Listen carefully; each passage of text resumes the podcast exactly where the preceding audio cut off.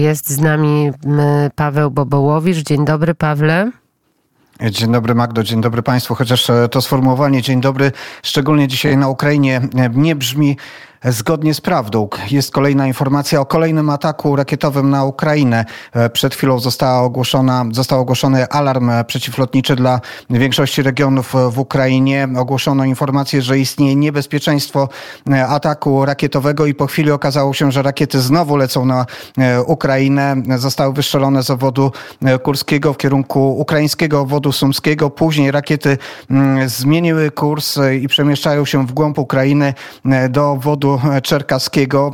Być może e, już e, zostały zniszczone lub doleciały do celu. Jeszcze tych informacji w pełni nie ma, ale przypomnę, że dzisiaj e, taka informacja ma szczególnie złe znaczenie po tym, co wydarzyło się w nocy i po tym, co działo się też nad ranem. Potężny atak rakietowy na Ukrainę. Rakietowy i też przy wykorzystaniu szachedów, czyli dronów, amunicji krążącej w, w tym ataku zostały zaatakowane Kijów, Lwów, w Zaporoże, Dniepr, Odessa, e, cała, cała lista ukraińskich e, miast w wyniku tego porannego, nocnego i porannego e, ataku. Jest informacja o 22 osobach, które zginęły, ponad 100 osób zostało rannych, a niestety to wciąż może nie być pełna lista dotycząca tego, co działo się rano, a już mamy informacje o kolejnych atakach. Przypomnę też, że w, w wyniku tych ataków wygląda, wiele informacji wskazuje na to, że obiekt z terenu Ukrainy wleciał też na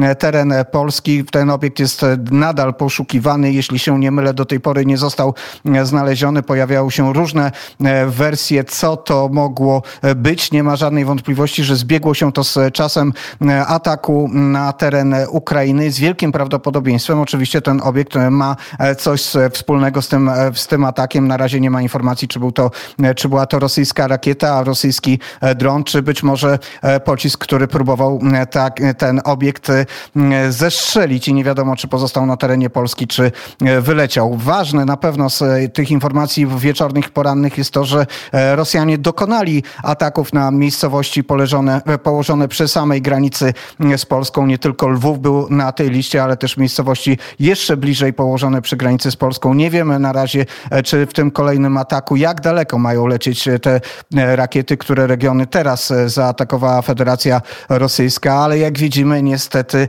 niestety mm, Rosja nie odpuszcza dzisiaj i końcówka roku wygląda dramatycznie na Ukrainie.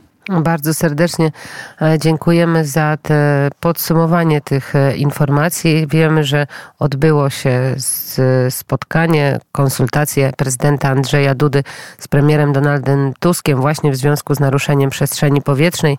Za chwilę także ma być narada w Biurze Bezpieczeństwa Narodowego z wicepremierem, szefem MON e, Władysławem Kosiniakiem-Kamyszem i także z udziałem dowódców Sił Zbrojnych Rzeczpospolitej. Pawle, bardzo dziękuję za tę korespondencję.